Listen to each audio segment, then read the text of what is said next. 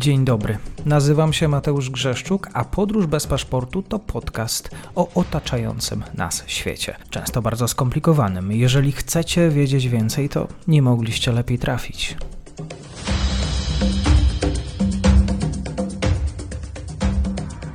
Dzień dobry Państwu, dzień dobry wszystkim słuchaczom. Wielka przyjemność, bo dzisiaj po raz pierwszy ze mną jest e, Aleksandra Piotrowska z Fundacja Polskie Centrum Pomocy Międzynarodowej. Będziemy rozmawiać o skrawku Afryki. Kłaniam się, dzień dobry, bardzo mi miło.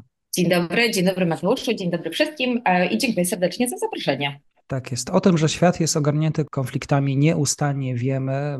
Rozmawiamy w Polsce na temat sytuacji na wschodzie. Mamy e, również niespokojny Bliski Wschód, ale są kraje, których sytuacja humanitarna, sytuacja bezpieczeństwa wcale nie jest lepsza. Też e, Afryka cały czas e, znajduje się w czołówce, kraje afrykańskie znajduje się w czołówce krajów, których sytuacja się pogorszy. W 2024 roku takie też dane przygotowała e, Emergency Watch List, czyli top 10 krajów, w których sytuacja humanitarna może się pogorszyć. Na pierwszym miejscu Sudan, drugie miejsce okupowane terytoria palestyńskie, trzecie Sudan Południowy. No właśnie, pierwsze trzy miejsca z słowem Sudan. Sudan Południowy, bardzo młode państwo, E, które proklamowało niepodległości e, w 2011 roku, ale nie odbyło się to bez rozlewu krwi. Tak jest. Dziękuję serdecznie Mateuszu za to wprowadzenie. Niestety, e, tak jak, jak wspomniałeś, tutaj Sudan Południowy jest cały czas tutaj objęty działaniami i też te działania niestety wojenne, które ostatnio zostały zaognione w Sudanie, w sąsiadującym na północy Sudanie, mają wpływ na sytuację w Sudanie Południowym, ale może od początku. Dlatego, że tak jak powiedziałeś, to jest rzeczywiście najmłodsze państwo na, na świecie, powstało w 2011 roku. I e, warto prześledzić kulisy powstania e, państwa Sudan, dlatego że to ma swoje przełożenie teraz na sytuację obecną. Więc tak naprawdę już od zarania, e, u zarania powstania Sudanu Południowego w 2011 roku leży jego ciągłe dążenie do niezależności. Od czasów tak naprawdę uzyskania niepodległości przez Sudan którego był wcześniej częścią. To niepodległość Sudanu y, miała miejsce w 1956 roku. Sudan y, był jakby tutaj podzielony na część islamską, muzułmańską, północ i południowe, chrześcijań, tutaj południowe chrześcijańskie południe. I e, wojna e, właśnie wybucha w 1983 roku i ma, trwa 20 lat. To jest wojna domowa, która właśnie u podłoża jej jest ten konflikt na styku religii. Ponadto ten konflikt podgrzewało e, nierównomierne występowanie zasobów naturalnych, w tym ropy naftowej. Więc ropa, ropa naftowa, źródła, zasoby ropy naftowej w większości znajdują się na południu kraju, czyli teraz w Sudanie Południowym. Ta ropa naftowa nawet generuje ponad 70% dochodu kraju, obecnie nawet 90%. Oprócz tego zasoby wody też są w większości zlokalizowane na południu, były zlokalizowane na południu Sudanu, teraz obecnie w Sudanie Południowym. O tą wodę też się toczyły zatargi, dlatego że e, liczne dopływy Nilu, które właśnie mają miejsce na południu kraju i większa liczba, e, e, liczba opadów i tym samym większy dostęp do wody, no oczywiście stanowi o tym, że ziemia w Sudanie Południowym jest bardziej urodzajna, w przeciwieństwie do północy kraju, który jest, znajduje się na skraju Sahary. Więc w związku z tym właśnie o to, o to trwały tutaj te konflikty, które były jedną z najdłuższych, e, najdłuższych wojen domowych w historii. I później e, ten konflikt niestety pochłonął miliony ofiar. Szacuje się, że to było półtora miliona ofiar, a kolejne 4, aż 4 miliony ludzi zostało przesiedlonych w wyniku tych, tych, tych walk, które miały miejsce przez dwie dekady. I później ten długi okres zakończył się podpisaniem porozumień w 2005 roku, a później ogłoszono zaplanowane referendum niepodległościowe, i w wyniku którego właśnie w 2011 roku Sudan Południowy e, stał się najmłodszym państwem świata, proklamował swoją niepodległość. Niestety proklamacja niepodległości przez Sudan Południowy nie przyniosła rozwiązania konfliktu i cały czas walki na granicy trwały. I, um, I w tym cały czas przedmiotem sporu są niestety złoża ropy naftowej, które, tak jak wcześniej zaznaczyłam, one stanowią znaczny dochód Sudanu. I um, tak naprawdę obecnie też, um, też mają miejsce właśnie um, tutaj pewne niesnaski. A oprócz tego, tak jak już wcześniej wspomniałam, y, Sudan y, od tak naprawdę 2019 roku też jest niespokojnie w tym rejonie świata, czyli w państwie na północ. I co stanowi o tym, o, o, po prostu o obecnej sytuacji w Sudanie Południowym, dlatego że jest duża, Sudan Południowy przez ostatni rok przyjął aż 300 tysięcy uchodźców, ponadto jest duża liczba ludności właśnie migrującej wewnętrznie w związku z, z, z niespokojną hmm. sytuacją w Sudanie. Tak jest. Sytuacja jest niespokojna. Rozumiem, że w takich warunkach również ciężko się pomaga. Tak, oczywiście. I tak naprawdę doczytałam się też, przygotowując się tutaj na dzisiejszą rozmowę, że mm, Sudan e, Południowy jest oceniany jako jeden z krajów, który po prostu jest właśnie, w którym jest najbardziej niestabilna sytuacja, jeżeli chodzi o pomoc humanitarną. Ciężko y, po prostu pracownikom agencji humanitarnych dotrzeć z pomocą dotrzeć z pomocą. Rozumiem, że nie tylko polskim agencjom, polskim fundacjom, ale jest to problem międzynarodowy. Tak, oczywiście. Tutaj bez względu na pochodzenie organizacji, tak to miejsce i ten problem jest za, za, y, jakby tutaj z, te, z tym problemem borykają się i zarówno agendy międzynarodowe, jak i organizacje y, pozarządowe z różnych stron świata. Kiedy wybuchła wojna na Ukrainie, Afryka pojawiała się jako y, ten kontynent, który w szczególności będzie dotknięty brakiem żywności, brakiem y, ukraińskiego zboża również, który silnie będzie odczuwał te wzrosty cen żywności. To było widoczne właśnie dwa lata temu. Y, ta sytuacja w Sudanie się pogorszyła jeszcze bardziej? Jak najbardziej. I dlatego teraz naprawdę ta sytuacja humanitarna jest, jest katastrofalna i e, niestety dane, które agendy międzynarodowe przedstawiają na 2024 wydaje się jeszcze gorsza. Więc e, e, może jeszcze jedna taka uwaga bardzo ważna. Czyli oczywiście, tak jak to zawsze bywa niestety, to ludność cywilna ponosi największe konsekwencje i w tym wypadku Sudanu Południowego też to miało miejsce. Te 20, te dwa dekady walk teraz niestabilna sytuacja zarówno w Sudanie Południowym, e, jak i tutaj w sąsiadującym Sudanie e, ma swoje konsekwencje. Więc przez lata po prostu był brak inwestycji na południu kraju, jeżeli chodzi o możliwości edukacyjne, infrastrukturę kraju, dostęp do tak naprawdę podstawowych usług opieki zdrowotnej. Więc w związku z tym tak naprawdę pojawiło się tak zwane stracone pokolenie, czyli pokolenie, które ma właśnie jakby bez, jest, jest, ma może inaczej, ma trudność w dostępie do źródeł dochodu e, i ma niską perspektywę też produktywnego zatrudnienia. Cóż to też znaczy? Co jest ważne też, dlatego że to jest bardzo ciekawa informacja, dlatego że populacja Sudanu to jest, należy do najmłodszych na świecie, czyli 72% całej populacji ma mniej niż 30 lat. I, i tutaj tego, ta, ta populacja e, niestety ma, e, charakteryzuje się wysokim bezrobociem, dlatego że to bezrobocie przekracza wśród młodych osób nawet 30%. W związku z tym kraj jakby ma trudności w generowaniu y, tutaj dochodów. Osoby mają problem z dostępem, tak jak wcześniej powiedziałam, do źródeł dochodu. To ma oczywiście też przełożenie na, na, na, na sytuację. Tak jak wcześniej powiedziałeś, Mateuszu, sytuacja, jesteśmy, żyjemy w, w świecie globalnym, więc sytuacja w Ukrainie ma też swoje przełożenie, konsekwencje na inne y, strony świata, w tym właśnie Sudan Południowy.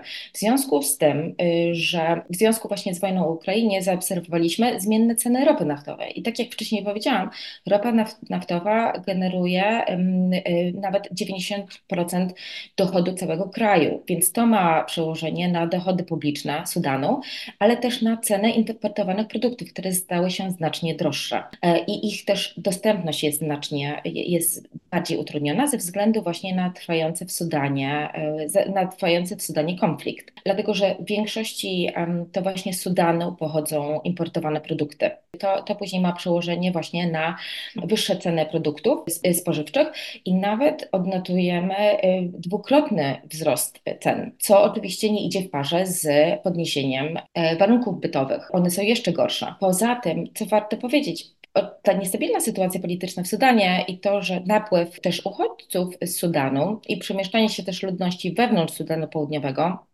ono e, też e, prowadzi do rywalizacji o zasoby, które są też mniej, e, których jest mniej. W związku z tym to też nie pomaga, wręcz oczywiście utrudnia tutaj sytuację w kraju. Więc też co warto powiedzieć, że gospodarka Sudanu Południowego jest też silnie uzależniona od rolnictwa. W nim się na przykład produkuje bawełnę, orzeszki ziemne, sorgo i trzcinę cukrową, ale kraj niestety, tak jak to, to bywa mm, na, na przestrzeni całego globu, jest podatny bardzo na zmiany klimatu. Mhm. I tak naprawdę od czasu uzyskania niepodległości każdy z, tutaj z, z kolejnych lat e, przynosił bądź to susza, bądź to powodzie. W związku z tym, e, oprócz tego, że to spowodowało oczywiście dużą liczbę samych ofiar i wysiedleń, ale też spowodowało straty w inwentarzu i oczywiście wpłynęło negatywnie na źródło utrzymania też ludzi. Więc to jest bardzo problematyczne w związku z tym, że właśnie, że w większości osoby utrzymują się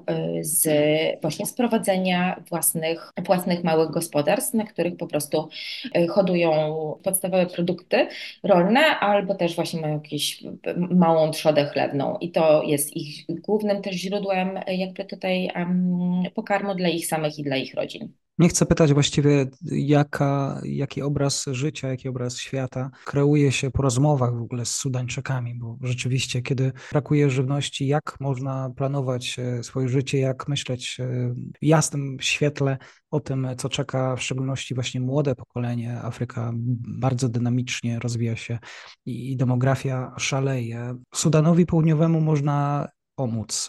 Jaka żywność akurat jest e, najbardziej potrzebna? Bo rozumiem, że tu chodzi właśnie o to jest najważniejszy punkt. Tak, więc um, w związku z tym, że problemem jest dostęp czasami do bezpiecznej wody, e, więc my na przykład jako Fundacja e, Polskie Centrum Pomocy Narodowej, my oferujemy, czyli tutaj kupujemy żywność terapeutyczną. To są takie specjalne saszetki, tak zwana pasta terapeutyczna, y, która nie wymaga podgrzewania, nie wymaga dodawania wody. To jest ważne, w związku z tym ona nie, jakby można ją spożywać od razu.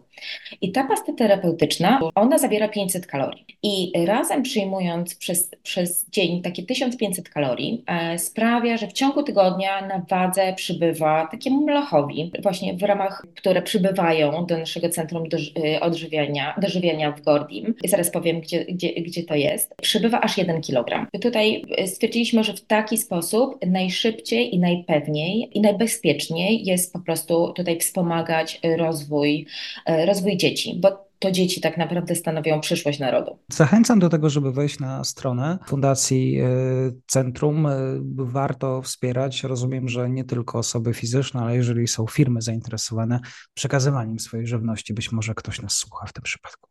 Mhm.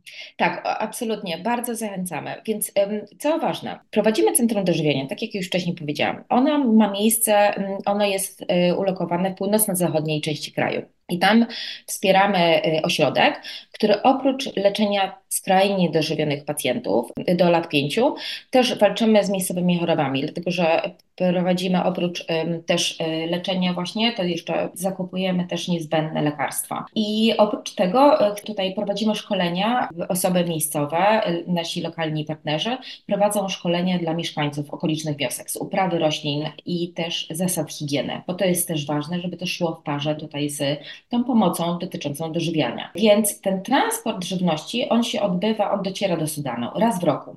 I to jest bardzo ważne, dlatego że on y, odbywa się tak zwa, przed tak zwanym hunger gap. To jest taka pora roku, kiedy na wtedy, kiedy najdotkliwiej brakuje tego jedzenia. I on przypada właśnie teraz na okres, e, teraz będziemy planować transport kolejny, luty, marzec, więc bardzo ważne jest i dlatego bardzo zachęcam do odwiedzenia naszej strony pcpm.org.pl ukośnik Sudan, gdzie mogą Państwo wejść do jedynego na świecie sklepu z jednym produktem. I ten jeden produkt to właśnie to są saszetki z pastą terapeutyczną, z tą, z tą którą, y, którą tutaj dajemy y, dzieciom, tak żeby mo mogły po prostu mieć dostęp do y, bezpiecznego jedzenia y, i do takiego, które im zapewnia dzienną porcję witamin, minerałów i tego, co dla nich niezbędne przy, w przypadku po prostu prawidłowego rozwoju, bo tak naprawdę to jest bardzo ważne, żeby mm, Tutaj warto jest wspomnieć,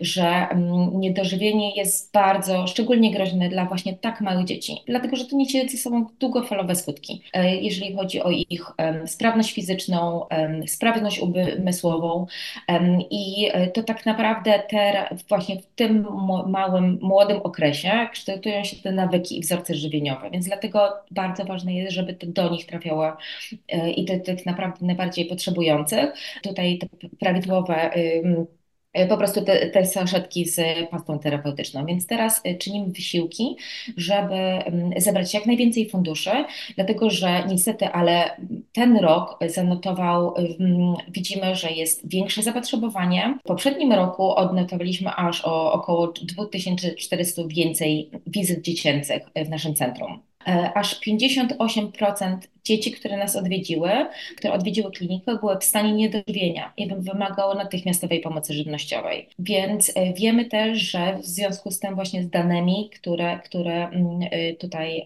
agendy międzynarodowe, o których mówią agendy międzynarodowe, że nawet ponad 70% populacji Sudanu Południowego będzie wymagało pomocy humanitarnej. Te dane są naprawdę, na, naprawdę dramatyczne, więc dlatego czynimy wysiłki, żeby zebrać jak najwięcej funduszy, żeby móc wysłać um, jeszcze więcej e, po prostu um, niezbędnych kartonów z pastą terapeutyczną. W tamtym roku było to 300 kartonów, teraz y, będziemy starali się wysłać jeszcze więcej, więc zachęcam Państwa bardzo do odwiedzenia naszej strony. Zachęcam także do wspierania y, tutaj naszych wysiłków. Mogą Państwo zobaczyć, jak ta pomoc żywnościowa już przynosi skutki, pozytywne skutki, co jest bardzo, bardzo budujące. I zachęcamy oczywiście też, do, y, też firmy i kolwiek darczyńców, którzy chcieliby po prostu tutaj dotrzeć ze, swoją, ze swoim wsparciem do Sudanu Południowego. Tak jest. pcpm.org.pl Polskie Centrum Pomocy Międzynarodowej. Zachęcam do tego wsparcia. Dziękuję Państwu za odsłuchanie dzisiejszego materiału. Naszym gościem była Aleksandra Piotrowska. Kłaniam się. Dziękuję serdecznie. Dziękuję i pozdrawiam. Dziękuję serdecznie za odsłuchanie tej audycji. Zachęcam oczywiście do kliknięcia subskrybuj, obserwuj oraz wsparcia mojej pracy na serwisie Patronite. Do usłyszenia.